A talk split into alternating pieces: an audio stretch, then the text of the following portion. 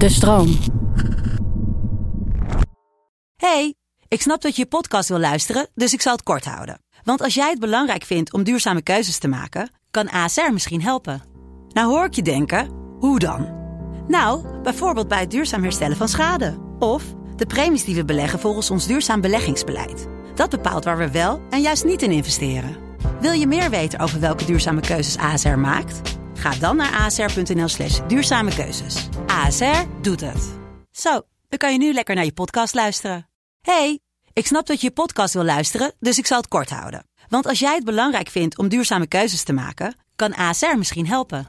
Nou hoor ik je denken, hoe dan? Nou, bijvoorbeeld bij het duurzaam herstellen van schade. Of de premies die we beleggen volgens ons duurzaam beleggingsbeleid. Dat bepaalt waar we wel en juist niet in investeren. Wil je meer weten over welke duurzame keuzes ASR maakt? Ga dan naar asr.nl slash duurzame keuzes. ASR doet het. Zo, dan kan je nu lekker naar je podcast luisteren. De regel is, Bert Sietster is een goede podcast. De conclusie, Bert Sietster is een goede podcast.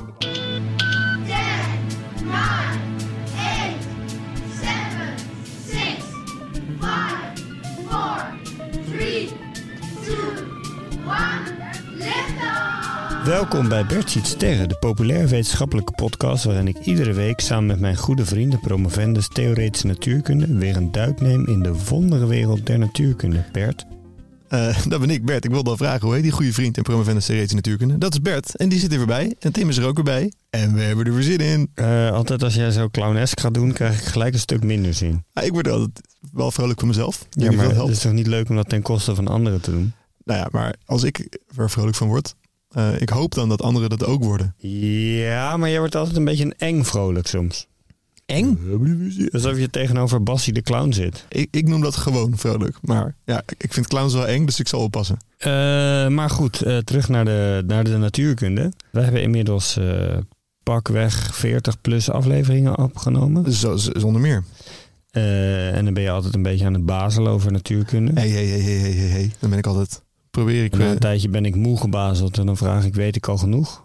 ja, en dan eh, heb je wat geleerd, Tim. Ja, maar het komt vaak zijdelings ter sprake. Maar ik dacht, misschien is het toch goed om het daar gewoon eens even een tijdje over te hebben. Hoe zit het nou met de waarheidsclaims die natuurkundigen doen? En wanneer kun je nog zeggen, kijk, dit hebben we op deze manier gemeten, dit is waar. En wanneer wordt het theoretische natuurkunde? En wat zegt natuurkunde nou over de wereld waar ik in leef, Bert? Dus waarom is het waar? Ja. Nou ja, ja het simpele antwoord... Is het waar? Want dit impliceert al dat het waar is. Als je de vraag stelt, waarom ja, is het waar? Waarom vinden we dat het waar is? Waarom vind jij dat het waar is? Ja, en, en met mij meerdere mensen. Ehm, het simpele antwoord wat de natuurkundige zou geven is... Nou ja, we hebben theorieën, daar stellen we hypotheses op. En die gaan we testen met experimenten. En dan gaan we kijken of het klopt. Oké. Wil ik er wel bij zeggen, het ligt wel wat genuanceerder als je goed gaat kijken. Want natuurkunde is natuurlijk ook steeds in ontwikkeling. Dat vind ik zelf altijd een grappige gedachte. Grote kans dat natuurkundigen nu zeggen... Nou, 50 jaar geleden hadden ze het fout. Of in ieder geval, 50 jaar geleden hadden ze het nog niet helemaal goed. Dus natuurkundigen zeggen dat trouwens ook wel... dat ze nu ook nog niet helemaal goed hebben. Maar vaak wel wat beter dan 50 jaar geleden. Maar ja, over 50 jaar zullen ze dat waarschijnlijk ook weer zeggen. Dus het is niet zo dat het... Zeg maar, ja, er zit altijd wel ontwikkeling in. Mhm. Ehm, dus dan kan je je afvragen, zeg maar, zijn nieuwe theorieën dan niet gewoon altijd beter? Bert, zijn nieuwe theorieën dan niet gewoon altijd beter? Nou, dat is een manier om naar te kijken. En daar is te veel voor te zeggen dat we inderdaad gewoon steeds meer leren. Maar als je echt wil vaststellen, of zeg maar wil analyseren waarom theorieën kloppen, heb je eigenlijk gewoon de filosofie nodig. Dat kan je niet meer alleen maar aan natuurkundigen overlaten. Dat lijkt me sowieso heel verstandig. Eh, en als je het, ehm, nou, je kan wel proberen te verdedigen dat, er, dat we gewoon steeds meer kennis krijgen. Dat het steeds meer toeneemt en dat we 50 jaar geleden iets minder wisten dan nu. En dat we over 50 jaar ehm, weer iets meer weten. Maar het is wel lastig om, om een soort van dat beeld te verdedigen dat je alleen maar toewerkt naar een, naar een ultieme, naar de ultieme waarheid. Dat is ook wel, ook vanuit filosofisch perspectief is dat niet, niet zomaar te doen. Maar het is wel, de, het, het, de droom van veel natuurkundigen is een soort eh, theorie van alles, toch? Waarin alles samenpast. Dus snaartheorie, kwantum, grote dingen. Ja, inderdaad, er zit, een zekere, er zit wel een zekere ontwikkeling in, waardoor je kan zeggen dat we ehm, steeds meer weten. Maar als je dat dan dus filosofisch wil gaan analyseren, wordt het wel best wel, best wel lastig om dat, om dat goed vol te houden. Kijk, als je dat wil doen, dan moet je dus uiteindelijk zou je moeten zeggen: oké, we hebben Je bent bezig als natuurkundige, je wil iets uitzoeken. Dan kom je met een bepaalde theorie over, weet ik veel, twee dingen die op elkaar botsen en eh, daar een bepaalde reactie vindt daar plaats. En dan zeg je van oké, dat uitzoeken, dat is verder niet per se logisch of rationeel. Ben ik gewoon een beetje, of een beetje ben ik aan het, ben ik allemaal aan het proberen en, en, creatief bezig. En dan ga ik vervolgens mijn model ga ik dan testen. Eh, en dan ga ik het vergelijken met andere theorieën. En dan besluit ik op basis van experimenteel bewijs, nou, dit is de beste. Op die manier, ja, kan je dan zeggen, we breiden onze kennis steeds uit. En dan moet je daarbij aannemen dat je dus je theorie ook als het ware echt zo logisch kan analyseren. Dat je aan het, op de basis heb je zeg maar waarnemingen, heb je echt meetbare dingen. En van daaruit kan je met puur logische stappen een heel Mhm. raamwerk bouwen. Eh, en dan kan je dan alle, al je theorieën logisch, alleen maar logische stappen verbinden met die, met die waarnemingen. Dat is op zich best een prima manier om na te denken over natuurkunde. Ik Maar- voel dat er een maar aankomt. Maar ja, een bekend probleem hiermee is dat, dat je dus wel dan alleen maar probeert te bevestigen. Als een soort van praktische manier van werken werkt dit prima. Maar als je dan echt logisch of filosofisch wil gaan eh, beschrijven van is dit dan een manier waarop kennis alleen maar toeneemt, wordt het gewoon snel best wel moeilijk. En dan heb je natuurlijk het probleem dat wij mensen vooral gebrand zijn op het bevestigen van onze eigen vermoedens. En dat noemt men ook wel een confirmation bias, of zoals jij dat in het mooie Nederlands zou zeggen. Een Een, bevestigingsvooroordeel. ja, dat denk ik ja. Een bevestigingsvooringenomenheid zou ik willen zeggen. Mooi. Ehm, klopt. Eh, en het filosofische probleem erachter is dat je dus ook nooit zeker kan weten. Dus zeg maar, op het moment dat je echt wil zeggen van oké, we willen alleen maar, zeg maar bepaalde bevestigende statements doen over, over dingen in de wereld, kom je op een heel oud filosofisch probleem uit dat het probleem van inductie heet. En dan niet de kookplaat, maar het idee dat, dat het, is geen probleem. Nee, dat werkt juist uitstekend. Inductie is het idee, of het, de methode om uit losse observaties algemeen geldende beweringen af te leiden. Kijk Tim, eh, onze luisteraars die willen weten of Bertie Sterren een beetje een goede podcast is. Mhm. Dan luisteren ze vijf van onze afleveringen, die zijn allemaal goed. Dan denken zij, dan zou je kunnen zeggen, ik ga nu het algemene statement maken. Bertie Sterren is een goede podcast. Dat heb je geïnduceerd. Uit vijf afleveringen. Ja, maar je hebt niet alle afleveringen geluisterd. Bovendien, misschien gaan we er nog wel een miljoen maken. Dus ja, dat is maar niet, eh, niet zomaar vast te stellen. Maar dan heb je dus inderdaad uit losse observaties, vijf afleveringen, een algemeen geldende bewering gedaan. Daartegenover staat dan deductie. En dat is wel logisch redeneren op basis van beginnen met bepaalde regels en dan daaruit conclusies trekken. Dus dat is bijvoorbeeld iets wat je in de wiskunde heel erg ziet. De regel is Bert is een goede podcast. De conclusie, Bert Sterren is een goede podcast. Nou, als, de, de regel is Bertie Sterren is een goede podcast, dan kun je de conclusie trekken. Aflevering 8 van Bertie Sterren is een goede aflevering. Mhm. Dat is een logische deductie. Andersom werkt het dus niet zo. Ehm, Hoe bedoel je? nou, dat je dus niet, je kan nooit met zekerheid stellen op basis van vijf afleveringen dat ze alle veertig ook goed zijn. Dan ben je gewoon aan het, aan het generaliseren. Maar je kan wel op basis van, maar hoe kom je tot die algemene regel dan? Nee, dat kan ook niet zomaar. Dus dat, dat, dat is, dat is, eh, dat, daar moet je een hele goede reden voor hebben. In de wiskunde kan je dat dus wel doen. Want wiskunde is bedacht. Uiteindelijk, ja, dan kom je op een heel erg filosofisch eh, gebied. Maar Maar het is niet heel filosofisch. Het is gewoon, we spreken met z'n allen af dat dit een cirkel is. En we Mhm. spreken met z'n allen af dat cijfers dit zijn. ja, precies. Maar als je En dan ga daarmee, je daarmee spelen. ja, maar, dan, maar als je dat eenmaal hebt afgesproken, kan je dus wel, dan kan je dus wel logische conclusies trekken uit die Omdat vraag. het een afspraak is, toch? Nee, zeker. Maar de wereld is geen afspraak. Nee, dus daarom heb je altijd het probleem van inductie als je dingen wil weten over de wereld. Ja. En als je dan dus alleen maar je eigen hypotheses eh, zit te bevestigen, dan zou je dus nooit met zekerheid kunnen zeggen. Dat is eigenlijk, eigenlijk het punt hier. Dat, dat het klopt. En dat is iets wat de eh, befaamde wetenschapsfilosoof Karl Popper ooit geïntroduceerd heeft. Dus niet langer ben je bezig, of in ieder geval zou het doel moeten zijn om te bevestigen. Maar theorieën moeten juist weerlegbaar zijn. Dus het is belangrijk dat je een bepaalde theoretische bewering ook kan ontkrachten. En juist, dat noem je dan falsificeren. Als je dat eh, zeg maar probeert en het lukt niet. Dus eh, je gaat meer afleveringen van Bertie Sterren luisteren om te ontkrachten dat het allemaal goed is. En, maar, maar ze blijven maar goed. Dan kan je wel zeggen, nou, de, de waarschijnlijkheid dat, dat de uitspraak Bertie Sterren is een goede podcast waar is, die neemt wel toe. Maar je zal nooit meer zeggen, oh, het is sowieso waar met een, met een, met een bepaalde absolute zekerheid. Hierbij moet gezegd worden dat dit voorbeeld nu een beetje spaak loopt omdat er een eindig aantal afleveringen is. Op het moment dat je dingen wil doen over, weet ik veel, biljartballen die op elkaar botsen. Ja, je kan honderd keer twee biljartballen op elkaar botsen. En we kunnen echt wel aannemen dat dat klopt. Maar met absolute zekerheid is een ander verhaal. Omdat, ja, het zou zomaar kunnen dat 101 keer die bal ineens iets anders doet dan je gewend bent. Dus dat is het belangrijkste wat we hiervan eh, kunnen leren. Dat het niet vol te houden is dat je alleen maar dichter bij een bepaalde absolute waarheid komt. Omdat je, zodra je dingen over de wereld wil zeggen, altijd dat inductieprobleem hebt. En je zal altijd de mogelijkheid open moeten houden dat er een voorbeeld komt dat er toch niet in past. Waardoor je alleen maar kan zeggen dat hoe meer zeg maar, je de boel ehm, kan, eh, hoe, zeg maar, hoe meer tests een theorie weer staat, hoe waarschijnlijker het is dat die dan uiteindelijk klopt. Maar het zal nooit, je zal nooit kunnen zeggen, oké, nu ben ik er. Ehm, en dan? Nou, dan denk je van mooi, hebben we opgelost eh, hoe eh, wetenschappers tot meer kennis komen. Maar helaas komen we ook nu weer wel tegen, lopen we tegen behoorlijke problemen aan. Ehm, en het belangrijkste probleem is dat een theorie vaak niet zomaar even eenduidig te falsifiëren is, zeg maar, of te controleren is, te testen is, waarna je zegt van nu, nu klopt het niet. Want uiteindelijk bestaat ook een natuurkundige theorie vaak uit een heel netwerk van bepaalde hypotheses, ideeën. Er zitten concepten achter die je soort van echt gewoon wel eh, fundamenteel zijn in, in je manier van kijken.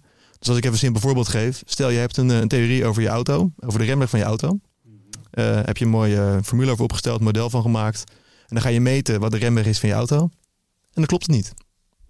Dus dan weet je dat het niet klopt, maar niet wat er niet klopt. Nou ja, dat, precies. Dan kun je dus niet, zeg maar, dus de vraag: heb ik iets niet goed gedaan in mijn luchtweerstand? Of hoe ik dat heb meegenomen? Of, heb ik mijn remmen verkeerd gemodelleerd hoe dat werkt? Of, eh, nou weet je, is er een hele, weet je, dieper, op een dieper niveau toch iets mis met mijn abstracte theorie van hoe versnellen en vertragen werkt? Je weet wel dat er iets niet goed is gegaan, maar het is niet zo dat je ineens je hele theorie hebt ontkracht en hebt gezegd: Nou, ik heb nu getest, gefalsifieerd, we gaan opnieuw beginnen. Ehm, en daar komt nog bij dat je dat in de praktijk ook niet als wetenschapper als natuurkundige ook niet zomaar geneigd bent om te doen. Want je, je werkt natuurlijk met anderen aan een bepaald programma. En als je dan bij de eerste afwijking in de meting meteen zegt van oké, laat maar alles wat we hebben gedaan, dat klopt niet. Laat maar, we gaan weer opnieuw beginnen. Ja, dat is ook gewoon niet wat je doet. Nee, maar dat klinkt alsof het alleen maar gaat om kennis. Maar natuur, het is- de hele wetenschappelijke wereld werkt ook voor een groot deel over geldstromen. En je probeert ook altijd zo goed mogelijk je onderzoek voor het voetlicht te brengen, toch? Zeker, ja. Nee, dus er komt inderdaad een hele sociale en ook historische dimensie hiermee dan ook bij hoe je moet spreken over, over hoe natuurkunde zich ontwikkelt. Ehm, en dat brengt me meteen ook bij eh, de grote vriend van wetenschapshistorici, zoals ik genaamd, Thomas Koen. Ehm kan ik meteen even een kleine, ah, ik weet niet of het een physical fun fact is, maar in ieder geval, Thomas Koen heeft een belangrijk boek geschreven en daar kan ik wel iets over zeggen. Physical fun fact! Toen de wetenschapshistoricus en filosoof Thomas Kuhn het boek uitbracht waarin hij zijn belangrijkste denkbeelden uiteenzet, genaamd The Structure of Scientific Revolutions, werden er in het eerste jaar maar 919 exemplaren verkocht. Later werd het alsnog het meest geciteerde boek ooit in de sociale wetenschappen. Dus als je ooit een boek uitbrengt, het kan altijd nog goed komen, Tim. Eh, dit is ook, eh, deze is ook voor jou, F. Nietzsche. Ik weet niet of je ons hoort, maar het kan altijd nog goed komen. Mooi zo, hè? Ehm, en het belangrijkste punt wat in dat boek wordt gemaakt is dus ehm, nou, een historische blik op hoe natuurkundige en wetenschappelijke kennis zich ontwikkelt. En het begint met wat natuurkundigen met elkaar doen. En natuurkundigen werken altijd in een gemeenschap waarin ze het over een hoop dingen eens zijn. Je hebt belangrijkste theorieën, er zijn voorbeelden van problemen die je kan oplossen en die je ook bijvoorbeeld leert. En je leert altijd bepaalde labdingen bijvoorbeeld bij natuurkunde over hoe je bepaalde standaard die problemen in het, in het lab leer je oplossen. Eh, er zijn bepaalde aannames achter, fundamentele dingen zoals behoud van energie, weet je, waar je echt niet aan gaat tornen. Eh, er zijn bepaalde belangrijke problemen die je wil oplossen. Je hebt, je hebt methodes om dat te doen, afspraken over wanneer dat dan ongeveer gelukt is.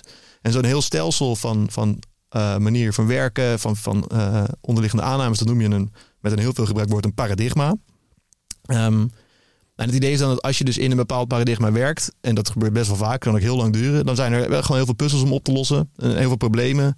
En dan kan je wel degelijk gewoon echt duidelijke vooruitgang boeken.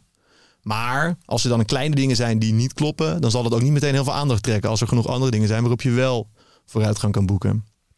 Ehm, dus het zal dan niet zo zijn dat als er even iets niet misgaat, als er even iets niet helemaal klopt, dat de mensen zeggen van hey, leuk, ja, we zijn nu twintig jaar bezig met een bepaald eh, model van ehm, weet ik veel, eh, elektromagnetische kracht of van, eh, van de remweg uitzoeken. of in de tijd van Newton de zwaartekrachtstheorie. Ja, dan ga je niet meteen zeggen, oké, laat maar, weet je. eh, een paar metingen wijken af. We hebben, de, we hebben de theorie ontkracht. Zo, zo kan je ook helemaal niet zo redeneren. Omdat je ook gewoon echt constructief met elkaar aan het bouwen bent in een, bepaalde, in een bepaald paradigma. Welk paradigma zijn we nu uit, waar we vroeger in zaten? Eh, nou, een klassiek voorbeeld is de, overgang van het idee dat de aarde in het middelpunt van het heelal was, naar het idee dat de zon in het middelpunt van het heelal was. Dus Ptolemeus naar Copernicus. Ehm, kijk, als je gewoon puur kijkt naar eh, wat er uitrekening viel, kon je ook met het Ptolemeïsche wereldbeeld, was dat, dat was behoorlijk ver uitgewerkt. Dus dat was allemaal heel precies. kon je eigenlijk best wel, zeg maar, je nam aan dat de aarde in het middelpunt stond. Je kon best wel veel, heel erg duidelijk beschrijven wat er gebeurde met de beweging van sterren. Dat Copernicaanse wereldbeeld wat het daarna overnam, was niet preciezer. Dus je kan niet op dat moment zeggen, oh, toen dat er op kwam zetten, was er een heel duidelijk rationeel argument te maken van, oh, dat, was, dat, dat is, meer accuraat qua metingen. Er waren wel andere dingen, bijvoorbeeld dat het uiteindelijk simpeler was. Er waren minder kunstgrepen nodig. En het punt is dan dat het best wel moeilijk is om bij zo'n verschuiving dan vast te stellen van, oké, dus nu wordt het echt, echt objectief beter. Ik zeg niet dat het niet kan, maar het is wel, zeg maar, die dingen wegen. Je kan zeggen, nou, als ik heel erg precies beschrijven belangrijk vind, dan ah, behoud ik het gewoon vind ik, vind ik het oude wereldbeeld met de, de aarde het midden belangrijk. Want dat is al heel goed uitgewerkt. Maar eh, 500 jaar later kunnen we dat inmiddels wel zeggen, toch? Nou ja, dat, dat, daar kan je wel een argument van maken dat het wel kan. Maar het belangrijke punt is dus dat je op het moment dat het gebeurt... niet een soort van een mooi formuliertje kan maken... en met even een paar vinkjes kan zetten en kan zeggen van... nou, daarom is dit beter en daarom is dat niet beter. Dus daarom is het zelfs ja, toch wel moeilijk om heel erg op een soort van universele wijze te gaan uitleggen... dat, dat de kennis altijd maar beter wordt. Waarbij ik niet wil zeggen dat het niet kan, want er zijn ook wel degelijk eh, dingen die bijvoorbeeld altijd belangrijk zijn. Dus het is niet zo dat als een natuurkundige theorie ineens niks met experiment te maken heeft, zoals de snaartheorie die je noemde, zal die ook onderdeel zijn van kritiek. En als de um, natuurkundige theorie zichzelf tegenspreekt, al helemaal. Um, maar ja, het is wel belangrijk om dat, dat dus te zien als dat zijn ook wel afspraken die mensen met elkaar maken. Maar um, we begonnen met de vraag: ja. wat uh, is het waarheidsgehalte van de natuurkunde? Ja. En nu ben je al uh, een kwartier aan het woord waarin je eigenlijk uh, alles relativeert en kapot maakt. Nou ja, eh, dus het antwoord zou voor mij ook zijn: uh, het is ingewikkeld. Er zijn wel degelijk nou ja, bepaalde waardes en een manier van werken in de natuurkunde. En ja, dat is een hele goede manier om tot kennis te komen. Het werkt ook in praktische zin. experimentele toetsing, consistente theorieën. En je kan, als je gewoon kijkt naar hoe de natuurkunde zich ontwikkeld heeft, echt wel mooi beschrijven dat we als het ware steeds meer kennis hebben vergaard. Maar je kan daar niet een soort van universeel filosofisch verhaal van maken dat je begint bij het begin en dan steeds, um, uh, steeds verder blijft uitbouwen. Want dat is als je gewoon gaat kijken naar hoe het in tijd en plaats gebeurt. Zo makkelijk is het helaas niet. Want het is ook altijd gebonden aan mensen, praktijken daaromheen. Uh, en ja, dat is niet. Het is mensenwerk. Het is, het is mensenwerk. En dat moet je ook meenemen, vind ik. Maar waar, waar, waar ik niet wil zeggen dat, uh, dat er niet soort van dat, dat natuurlijk allemaal relatief is. En dat is zeker niet zo. En er zijn wel degelijk manieren om vast te stellen, zeg maar, ook, ook continuïteiten in, in, in, in, in werken. Um, weet ik inmiddels genoeg van uh, hoe weinig natuurkunde eigenlijk echt weten over de wereld om de elevator in te stappen? Uh, ik ben benieuwd waar je mee aan gaat komen zitten. Nou, dat wordt een kritisch betoog. Uh, ik stap in de Space Elevator. Mm -hmm. Ik start mijn supersonische sportswatch, die we toch echt te danken hebben aan de harde wetenschap. En dan hebben wij het over het waarheidsgehalte van de natuurkunde, denk ik. Um, in de natuurkunde is er de afgelopen eeuwen, millennia, een hoop gebeurd. Van de eerste natuurfilosofen tot de wetenschappelijke revolutie tot nu is er telkens nieuwe kennis opgedaan. Dan kun je dus de vraag opwerpen: is nieuwe kennis niet gewoon beter dan oude kennis, omdat die voortborduurt op oude kennis en oude kennis soms weer legt? Uh, en dat is enerzijds waar, maar anderzijds ook een te simpele voorstelling van zaken. En uh, om dat beter uit te leggen, uh, moeten wij even naar Karl Popper. Dat is een Duitse filosoof uit de Wiener Kreis.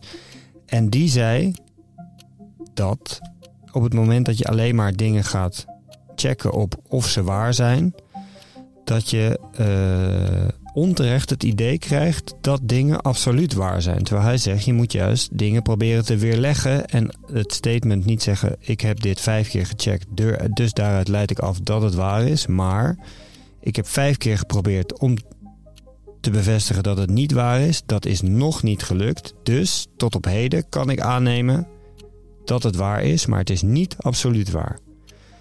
Om dit probleem nog even zwaarder te maken, werken natuurkundigen en alle wetenschappers altijd in een paradigma. Dat woord komt bij Thomas Kuhn vandaan en die stelt dat wetenschap altijd in een bepaald geheel van afspraken en experimenten en ideeën over de wereld opereert. Dat als geheel functioneert totdat er te veel dingen zijn die daarin niet meer passen. En dan krijg je langzaam maar zeker de overgang naar een nieuw paradigma. Maar het is daarbij heel moeilijk te stellen wanneer je nou het oude paradigma hebt verlaten en een nieuw paradigma bent binnengekomen. Dat kan eigenlijk alleen maar met terugwerkende kracht. Zo dacht men vroeger dat de aarde in het middelpunt van het heelal stond. En uh, heeft Copernicus het idee opgeworpen dat het de zon zou zijn. En nu zijn de meeste mensen het daar wel mee eens. Maar Copernicus had nog niet de technieken om dat ook te bewijzen en meer te laten zijn dan een theorie. Dus, kort maar krachtig. Natuurkundigen hebben best een complete beschrijving van de wereld. Maar is het daarmee absoluut waar? Dat absoluut niet. Eh, dat was een eh, uitgebreide list. Dat is lang, hè? Dat was lang. Ehm, ja, dat, het is denk ik, om toch even kritisch weer te zijn, want we zijn een kritische aflevering aan het doen. Op zich kan je nog wel stellen dat het vast te stellen is wanneer er een nieuw paradigma, eh, zeg maar. Ja, maar Copernicus wist dat niet. Dat bedoel ik te zeggen. Ja, en het is vooral ook zo dat op het moment dat je er eenmaal, dat je, zeg maar, die, zo'n overgang kan, zou ook nog wel abrupt kunnen zijn. Dat er allemaal mensen met een nieuw plan komen. Het was wel duidelijk dat Copernicus plan een nieuw plan was, zeg maar. Ehm, maar het is moeilijk om het te vergelijken op een soort van puur objectieve manier. Die twee Ah, manieren. ja, Kijk, je dat is het belangrijke punt. Dus je kan vanuit het ene paradigma het andere paradigma niet volledig op waarde schatten. Nee, en eventjes echt mierenneuken. Karl Popper was helemaal geen Duitser. Dat was een eh, Brits-Oostenrijkse filosoof. Maar dat ik dat ook even gezegd heb. Poppa. Ja, hij is wel geboren in Wenen, maar eh, doodgegaan in Londen. Eh, dat maakt je in mijn ogen een Oostenrijker. Dan was dit Bert Ziet Sterren. Wil jij voorkomen dat onze afleveringen voor eeuwig zoek raken in een ander paradigma? Klik dan op volgen in je favoriete podcast-app. Dan komen je afleveringen vanzelf in je brievenbus. En geef ons dan gelijk ook een recensie. Geef Bert Ziet Sterren sterren. Waarmee niet gezegd is dat wij heel erg goed zijn, maar wel dat er nog niet bewezen is dat we niet goed zijn. Exact. En heb je vragen of wil je zelf een onderwerp aandragen? Stuur dan een mailtje naar bertzietsterren.de-stroom.nl Voor nu heel hartelijk dank voor het luisteren. En tot de volgende ster. Hatsa.